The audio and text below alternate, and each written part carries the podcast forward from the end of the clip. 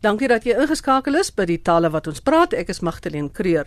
My gaste vandag is twee van die mense wat by die taalkommissie is. Hulle is die mense wat nog vir ons die amptelike rigtinggewer is in die gebruik van Afrikaans. Het sy dit skryf of praat of woordeskat is as ek reg het.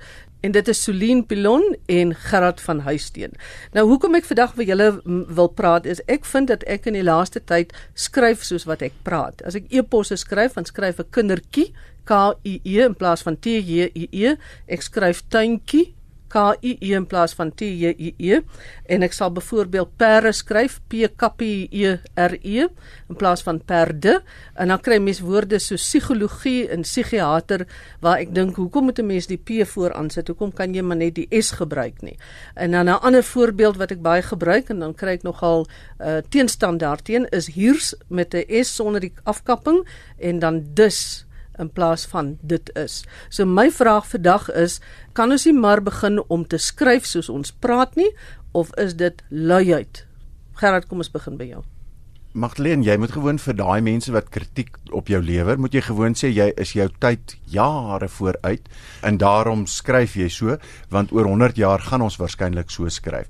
Want een van die goed wat universeel is oor taal in die algemeen, nie net Afrikaans nie, taal in die algemeen is dat tale verander altyd. Alle tale verander altyd. In die beginjare van Afrikaans, as ons dit so kan noem, as mens nou sou weet waar die beginjare is, het ons nie T J I E agtergeskryf vir die verkleinwoorde nie, maar nog op die Hollandse vorm met 'n T J E, 'n ch meisie of so. En en dit is gewoon iets wat verander het met verloop van tyd en toe ons op 'n stadium begin skryf T J I E in 'n liggaam soos die taalkommissie gesê, goed, dis nou die aanvaarde norm in Afrikaans. En wie weet, oor 100 jaar van hier af is die aanvaarde norm dalk om K I E te skryf. Dit sal ook natuurlik nie heeltemal so vreemd wees nie, want in Nederlands skryf hulle nog amptelik T J E, maar in baie van die variëteite van Nederlands, byvoorbeeld in Vlaams, is dit 'n K. So in Nederlands sal jy byvoorbeeld sê mannetjie maar in Vlaams is dit manneke. Om dus te voorspel dat dit dalk in Afrikaans gaan verander na mannetjie met 'n K I E in die skrifbeeld nou ja heeltemal nie onverwags nie. Wat ons wel van moet kennis neem is dat die skrifbeeld loop altyd ver agter die spraak. Die beeld wat hulle dikwels gebruik is as ons kyk na die geskiedenis van taal in die algemeen en ons stel dit as 'n periode van 24 uur voor, dan het skrif vorendag gekom hier teen kwart oor 11 die nag. So skrif is baie ter 11der ure. Ter 11der ure Magdalene vorendag gekom. So dis dit loop altyd agter die spraak. Mense praat al vir jare anders en dan skryf mens dit baie stadiger agter dit aan. Daar's 'n paar goeie voorbeelde in die jongste woordelys en spelreëls daarvan. Ons waar ons al baie lank praat van sê net maar chips en chops en steak en uh, venue en en daardie woorde en dit het maar nou eers van daai woorde het maar nou eers in die geskrewe want die woordelys en spelreëls gaan oor hoe skryf jy woorde. So dit is waarna jy verwys. Ons gaan dalk kom by by wat ek nou hoe ek nou skryf maar nie nou al nie. Solien. Ehm um, ja, en die rede hoekom die manier waarop ons praat en die manier waarop ons skryf van mekaar verskil is omdat daar natuurlik allerlei fonologiese prosesse plaasvind wanneer ons praat. So 'n uh, mens assimileer, dit gebeur outomaties. So mens sê nie en die volgende punt nie, mens sê en die volgende punt. Maar ons skryf nou nog nie e en en i e nie, maar daai prosesse vind plaas en dan is daar van hierdie fonologiese prosesse wat 'n bietjie hardnekkig is, nê, nee, en wat oorneem en dan begin ons ehm um, skryf soos wat ons praat. So van hierdie prosesse is iets soos byvoorbeeld dat mens klanke in die middel van 'n woord kan uitlaat. So mens sê apteek nou in plaas van die tradisionele apoteek. Mens kan ook klanke aan die einde van 'n woord weglaat en ons sien dit baie in Afrikaans.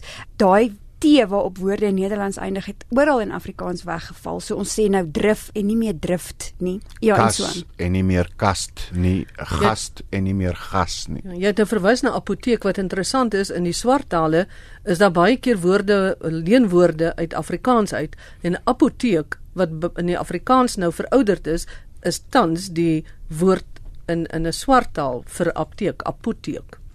Maar daar's natuurlik ander prosesse aan die gang want hulle silabestruktuur vereis dat dit heeltyd konsonant vokaal konsonant vokaal moet wees. So daai apt is nie lekker in uh, van die Afrika tale nie. So hulle moet daai vokaal terugbring daar om by apotek uit te kom. Solinde assimilasie lê vir 'n oomblik daar uh, stil staan die invloed daarvan op die spelling.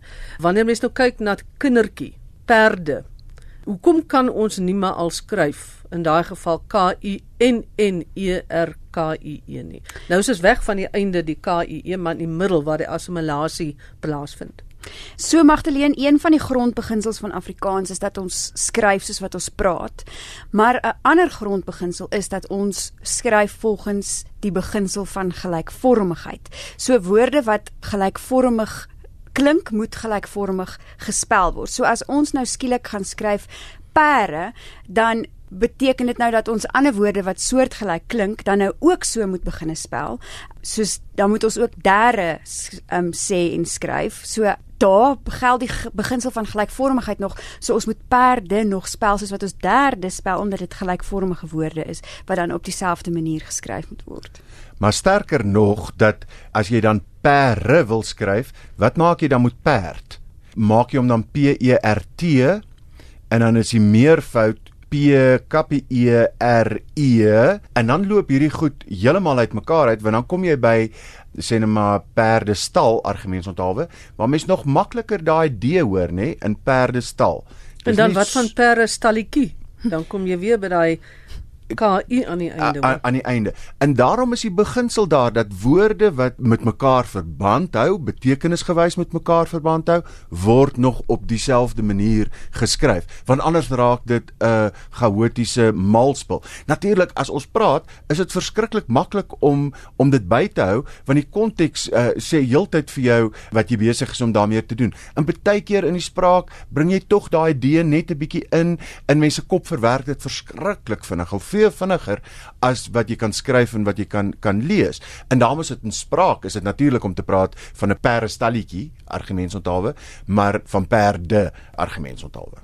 En wanneer ons nou kom by ander woorde wat nou waar ons eintlik 'n paar woorde aan mekaar flans om dit korter en vinniger te maak, ek verwys hier na woorde soos dis en huis, H Y S en hiers.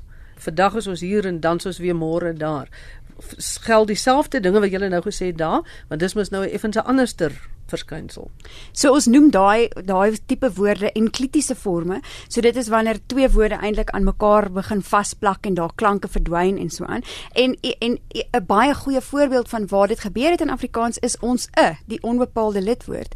Want dit is natuurlik eintlik 'n verkorte vorm van die Nederlandse in wat E E N is. So daai het ons 'n voorbeeld waar dit dan nou presies gebeur het en ons het nou 'n niemand weet eers meer dat dit E E N was nie. So miskien gaan ons oor 100 jaar skryf X moeg en E K S sonder dat iemand ooit weet dit was ek is gewees.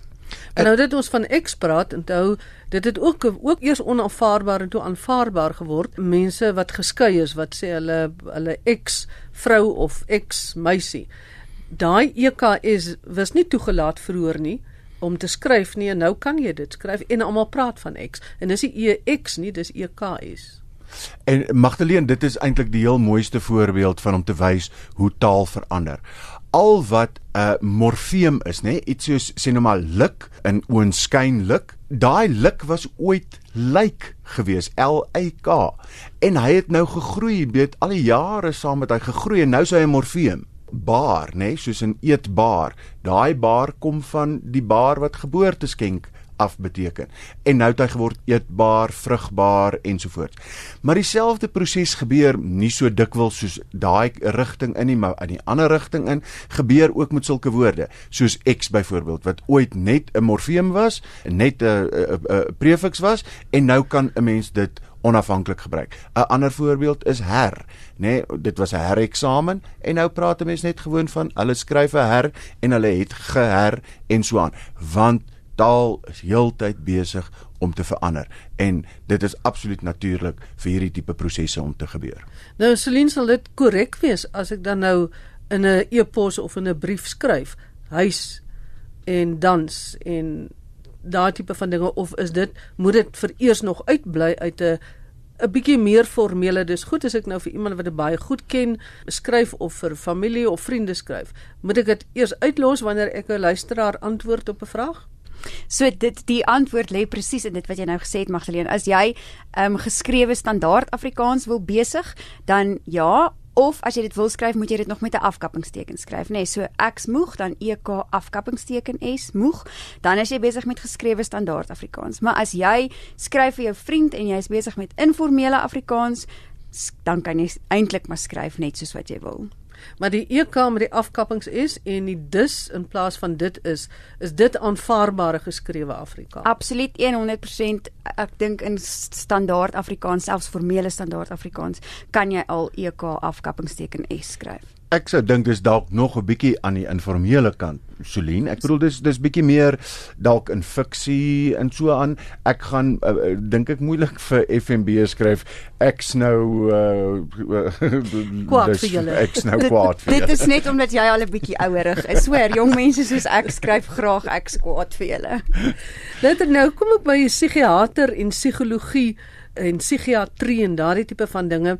Die PS spelling verskil dit van al die soorte spellings wat ons in die voorbeelde wat ons nou uh, na verwys het. Moet daai P daar wees of kan dit ook 'n psigologie en psigiater word? Is dit iets anders? Ja, dit is sekerlik op 'n manier iets anders, maar dit is daai beginsel wat Solien van gepraat het van gelykvormig. Uh omdat dit die grondwoord is, psige, psige. In Engels byvoorbeeld, in hier in Middelengels byvoorbeeld, het hulle nog gepraat van know nê? Nee? Daai silent K wat by know voorkom, I know you well, is doendertyd nog uitgespreek, knou. En nou word hy nie meer uitgespreek nie, maar hy word nog steeds geskryf. Jy kan ook voorspel dat dit oor jare dalk kan verdwyn. Maar in die geval van daai uh, by Engels nou, as jy daai K se weglaat, dan word bly jy oor met now, né? Nee? So I know you well en dan gaan jy met 'n betekenis verwarring sit. In hierdie silent P en die silent K en daai tipe van goeders waarvan ons bitter min in Afrikaans oor het. Dis regtig in sulke oorgeerfde woorde soos pterodactyl en so aan. Hulle staan maar daar eintlik vir tradisionele redes wat natuurlik ons ander in ons derde grondbeginsel is van die skryfwyse van Afrikaans is oor die tradisie. So en die drie grondbeginsels, die een wat sê ons skryf soos ons praat, die een wat sê ons skryf soos wat tradisie vir ons sê om te skryf en die een wat sê ons skryf volgens die beginsel van van gelykvormigheid, is eintlik in so 'n driehoek verhouding met mekaar. Dit lê dan aan die aan 'n organisasie soos die Taalkommissie se deur om te besluit watter een van die beginsels trek nou eintlik die swaarste wanneer ons moet besluit hoe ons 'n woord gaan spel in Afrikaans. Watter van hierdie beginsels, watter van hierdie drie hoeke trek op die oomblik die swaarste. Dit hang van geval tot geval af, Magdalene. Ek dink in party gevalle, ons het nou gepraat oor 'n woord soos agterlosig in plaas van agterlosig. Nou, ek bedoel as mens begin dink daaroor, agterlosig is sonder ag. En as jy dan nou sê agterlosig, dan kry die woord eintlik heeltemal 'n ander betekenis, maar omdat mense nie ag mee 'n woord is wat mense ken nie, weet hulle nie meer dat dit agterlosig moet wees. Hulle skryf agterlosig. En nou in daai geval trek die ons skryf soos wat ons praat been die swaarste. Want mense sê agterlosig en nou agter die manier waarop hulle praat aan skryf hulle nou ook agter dieselfde met te neergedruk dieselfde met te neergedruk ja. Nou hoe moet ek nou te neergedruk spel? As ek skryf, wat moet ek doen? Ek sê te neergedruk. Magdalene, as jy geskrewe formele standaard Afrikaans skryf, moet jy vir 'n R gee, maar as jy informeel skryf en vir jou vriende skryf, kan jy skryf soos jy wil. Maar dalk kyk daar's natuurlik baie voorbeelde waar hierdie prosesse reeds voltrek het, né? Ons het net nou vinnig vaddoek genoem. Dit is natuurlik 'n vaat doek wat ons vandag skryf vaddoek, 'n waaghals, né? Dit het oorspronklik niks met 'n hals te doen wat jou nek is nie. Dis 'n waagals maar omdat daar so glottale klank sit voor die a waaghals waaghals toe word dit 'n waaghals en niemand skryf meer vandag eintlik waaghals nie. Almal skryf gewoon waaghals aartappel ander voorbeeld. Sommer in Afrikaans nê ons skryf sommer maar in Nederlands was dit zomaar. Hierdie goed het alles verander agter die manier hoe ons praat aan Watter rol speel die moderne tegnologie? En daarna verwys ek nou die sosiale media, digitale media. Watter rol speel dit in dalk 'n bespoediging van hierdie skryf soos jy praat. As 'n mens nou dink aan SMS'e, Facebook en Instagram en wat kry mens nog alles? Gaan dit dit bespoedig? So dis eh, daar's baie navorsing al daaroor gedoen min in Afrikaans waarvan ek regtig weet, maar die algemene navorsing sê die mense wat daarmee sukkel is die ouer garde. So iemand uh, kan ek jou nou as voorbeeld gebruik van 'n ouer garde. Uh jy gaan ek dan skryf 'n SMS uit met sy werkwoord met sy sy volledige taal beginsel skryf ek dit uit. Maar hoekom doen jy dit dan anders in 'n e-pos vir vriende? Nee, maar wat ek bedoel, ek sal nie afkortingstaal en daai tipe taal gebruik, die slodderige nie.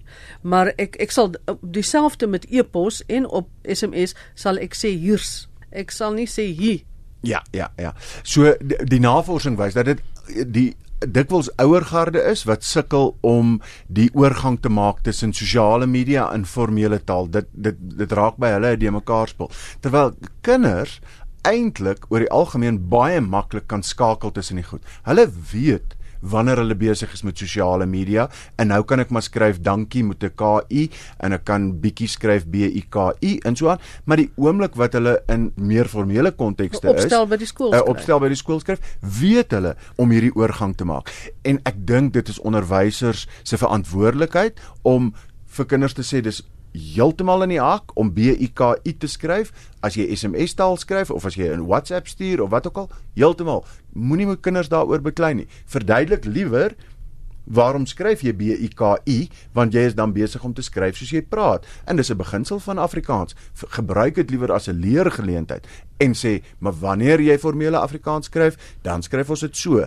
en leer vir kinders waar daardie grense is. Dit is natuurlik ook tegniese aspekte want jy kan wanneer jy SMS doen net 'n sekere getal karakters gebruik. Jy wil so lank as moontlik 'n boodskap so lank as moontlik maak, maar jy wil die paar karakters wat jy tot jou beskikking het gebruik. Nou sê jy baie soos BGA of so iets. Maar dit is daarom ook nou ek bedoel dit geld eintlik nie meer vandag nie want almal gebruik WhatsApp en daar's natuurlik geen beperkings daarop nie. In die Twitter wêreld selfs is mense geneig om langer te skryf as die 100 wat 46 karakters wat tot hulle beskikking is.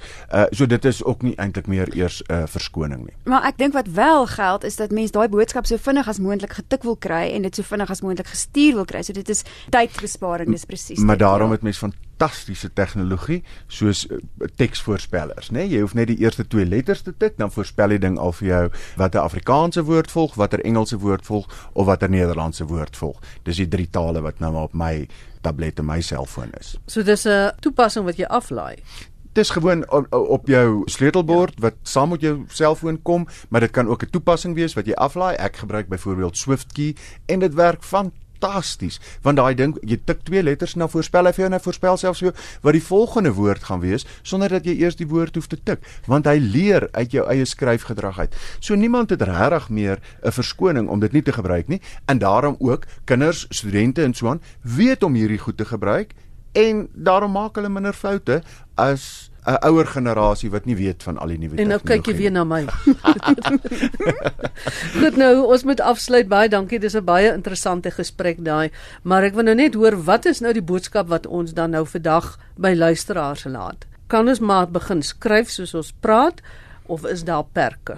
Wanneer jy nee, my ou dientjie, as jy wil formele standaard Afrikaans skryf, dan moet jy nou maar vir jou 'n AWS aanskaf en daar kyk hoe jy veronderstel is om die woord te spel. Dis nou die woordelys en spelreëls. Ekskuus, dis die woordelys en spelreëls.